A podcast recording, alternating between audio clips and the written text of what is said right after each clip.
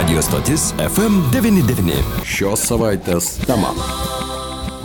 Sveiki, bičiuliai, studijoje prie mikrofono Liudas Ramanauskas. Šiandien mes pakalbėsime apie dalyvaujamą į biudžetą. Ko gero, Litiškiai dar prisimena, jog prieš trejata daugiau metų pirmą kartą Lietuvoje taip pat biudžeto dalis buvo skirta kartu su bendruomenėmis, sprendžiant dėl viešųjų lėšų panaudojimo, kai bendruomenės nariai patys siūlė idėją savivaldybei ir jų įgyvendinimą. Apie tai, kaipgi tie procesai įsibėgėja ir kitose Lietuvos savivaldybėse, šiandien mes kalbame su Transparency International iniciatyvų koordinatorė Deimantė Žemgulytė. Labadiena, Deimantė. Sveiki. Laikas bėga labai greitai, ta iniciatyva atsirado ir štai jūs atlikote apžvalgą. Galbūt šiandien galite su mūsų klausytojais pasidalinti jos rezultatais, kokios tendencijos, kiek savivaldybių įsitraukia į dalyvaujamą į biudžetą ir kiek mato tame, na, galbūt naudingą įrankį, norint įtraukti ir pačią bendruomenę į savo aplinkos gerinimą, pagaliau į savo problemų sprendimą. Tai net nebejoju, iš tikrųjų, kad litiškiai yra puikiai pažįstami su dalyvaujamojų biudžetu, bet galbūt tiem, kurie e, dar nežino, e, kas tai per iniciatyva ir kas tai per veikimo būdas, tai norėtųsi šiek tiek trumpai galbūt ir pasakyti, e, Taip. kokia yra dalyvavimojo biudžeto esmė. Tai iš ties tai yra lyg mažas savivaldybės biudžetas. Jeigu įprastai dėl didžiojo, jeigu taip galima pasakyti, savivaldybės biudžeto sprendžia taryba, tai dalyvaujamasis biudžetas yra mažesnis - nuo 10 iki 300 tūkstančių siekiantis biudžetas, dėl kurio sprendžia, kaip jau jūs ir minėjote, būtent savivaldybės bendruomenė, kai pati bendruomenė siūlo idėjas, kaip panaudoti viešasis lėšas ir patys balsuoja uh, už idėją, kuri bus įgyvendinta. Tai kaip jūs puikiai ir pastebėjote, iš tikrųjų įsibėgėjo šitas dalyvavimojo biudžeto procesas. Ir jeigu 2018 metais Alitus buvo buvo tie pirmūnai, kurie pirmą kartą išbandė dalyvavimą į biudžetą. Šiandien jau iš tiesų galim kalbėti apie 22 savivaldybės, kurios įgyvendina dalyvavimą į biudžetą ir 13, kurios planuoja tai daryti. Na, kalbant apie tą naudą, tai turėjome galimybę pasikalbėti su 12 savivaldybių atstovais, tai ką girdim, jog iš tiesų dalyvavamasis biudžetas yra naudojamas kaip puikia priemonė būtent ir įtraukti gyventojus į tą sprendimų prieimimą,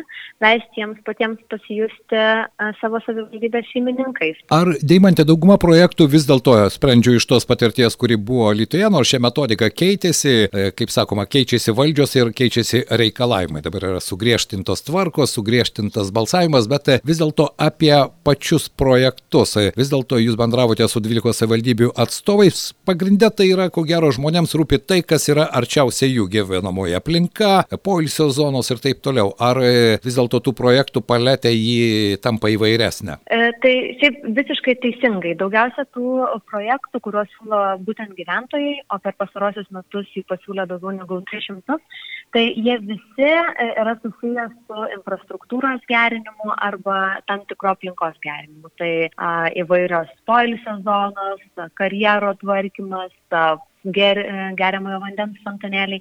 Tai tokie projektai, kurie realiai padėtų jiems pagerinti jų aplinką. Mhm. E, bet šiemet jau matom, pastipim, kad pačios savivaldybės, kaip teisingai užsiminėte, jog tos tvarkos keičiasi, e, taip evoliucionuoja ir keičiasi ir pats dalyvojamasis biudžetas skirtingose savivaldybėse. Matom, jog, pavyzdžiui, Šiaulių miesto savivaldybė nuo šių metų jau priima ir socialinius bei kultūrinius projektus, kas reiškia, jog laikui bėgant gali galim iš tikrųjų tikėtis tos besikeičiančios projektų paletės. Ir tai, mano nuomonė, vis dėlto yra naudingas žingsnis, jo lab, kad tada atsiranda galbūt platesnė ir bendruomenės platesnis sluoksnis, ar ne, kurie gali būti ir susidomėję, ir teikti idėjas, savo projektus. Bet e, norėčiau dar vieną temą paliesti, ji, mano nuomonė, yra aktuali, norint, kad bendruomenė įsitrauktų ir reikia ją auginti, tam tikrą prasme ir edukuoti. Štai tos idėjos atsiranda, bet edukuoti geriausia tuos jaunus žmonės, kurie yra yra pagavus idėjoms, kurie patys dalyvauja. Žinau, kad klaipėdiečiai liktai bandė į dalyvaujamą į biudžetą įtraukti ir mokyklas. Ar tas procesas tęsiasi? Taip, tęsiasi tiek Laipados miesto savivaldybė, tiek Laipados rajono savivaldybė šiuo metu įgyvendina dalyvavimąją biudžetą ir mokyklose. Ir šiandien kaip tik turim ir dalyvavimąją biudžeto formą, kurio metu viena iš savivaldybių, tai Laipados rajono, būtent ir pasidalins, kaip jiems sekasi.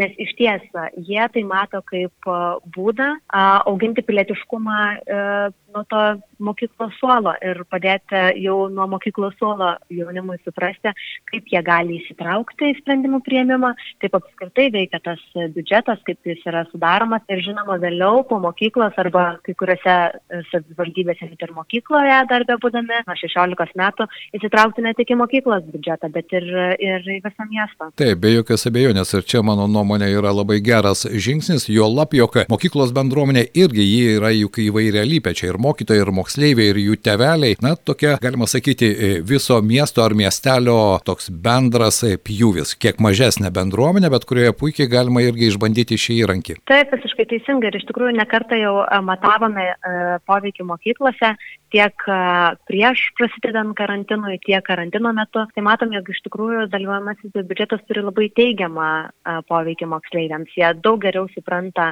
apskritai, kaip sudaromas biudžetas ir tuo pačiu jie geriau geriau supranta, kaip bendrauti su administracijos atstovais ir į ką galėtų kreiptis, kai turi tam tikrų klausimų. Taip, ir idėjų, kurias norisi realizuoti. Žinoma. Deimantė, dar vienas klausimas, kalbant apie idėjas. Aš prisimenu tą tendenciją Lietuvoje, pirmie metai buvo iš tikrųjų labai daug idėjų ir noro bendruomenės įsitraukimo, po to jis dabar kažkiek nusmukęs yra, to aktyvumo galbūt mažiau, galbūt mažiau apie tai kalbama yra. Koks maždaug vidurkis, nes vis tik tai 22 savivaldybės iš 60, o dar 13 planuoja prisijungti, maždaug e, siūlomų idėjų skaičiai vienoje, kitoje savivaldybėje kažkoks vidurkis yra? E, vidurkis, žinoma, yra, galima matyti, jog e, vidutiniškai savivaldybė gauna apie 17 e, gyventojų projektų idėjų šiuo metu. Mhm. Na ir tos sumos, ko gero, skirtingose savivaldybėse irgi skirtingos. Yra mažieji projektai, yra didėjai projektai, iki 150 buvo toks skaičius Alytuje, o mažesnėji buvo iki 50 tūkstančių eurų, nors yra ir tokia ne visiškai gera patirtis, kad tai štai projektai laimėjo dar 2018 metais, iki 2021 metų taip ir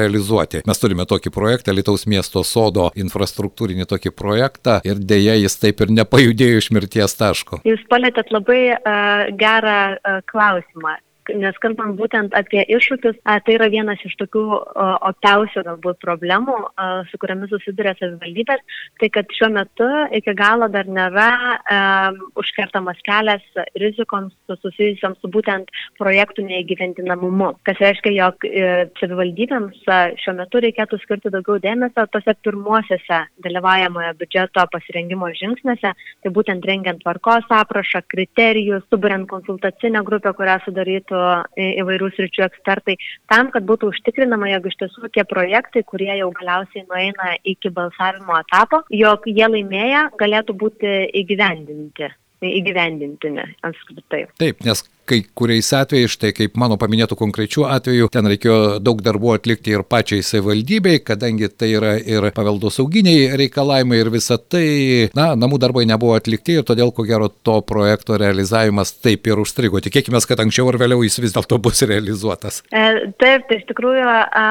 labai norėtųsi e, daugumai savivaldybių to palinkėti, kad būtent tie pasirašymo darbai, žinoma, kartais užtrunka ir daugam dalyvajamasis biudžetas yra naujas naujas, tad normalu, kad tų iššūkių atsiranda. Svarbiausiai tos iššūkius laiko atkreipti dėmesį ir, žinoma, pasimokyti vieniems iš kitų klaidų. Taip, be jokios abejonės, Daimantė, bet sutikite, kad tai yra geras įrankis ir patiems politikams, tarybų nariams mokytis, nes, na, e, irgi yra tokia tendencija, jog politikai visada sako, mes atstovaujame tautai ir todėl mes tik mes žinome, kaip geriausia tvarkyti, kokie projektai yra geriausi ir sprendimus gali priimti tik politikai, o ne patys bendruomenės atstovai. Tai šiuo atveju dalyvaujama Taupymasis biudžetas, mano nuomonė, yra puikus įrankis ir politikams pasižiūrėti, ko bendruomeniai reikia, kokios e, idėjos kyla bendruomenės narių galvose. Visiškai taip. Ir ne vienas savivaldybės atstovas minėjo, jog net jeigu, savival, jeigu savivaldybėje tam tikras projektas nelaimi, jie atkreipia dėmesį e, į tuos projektus, kadangi tai padeda iš esmės suprasti, kas rūpi gyventojams.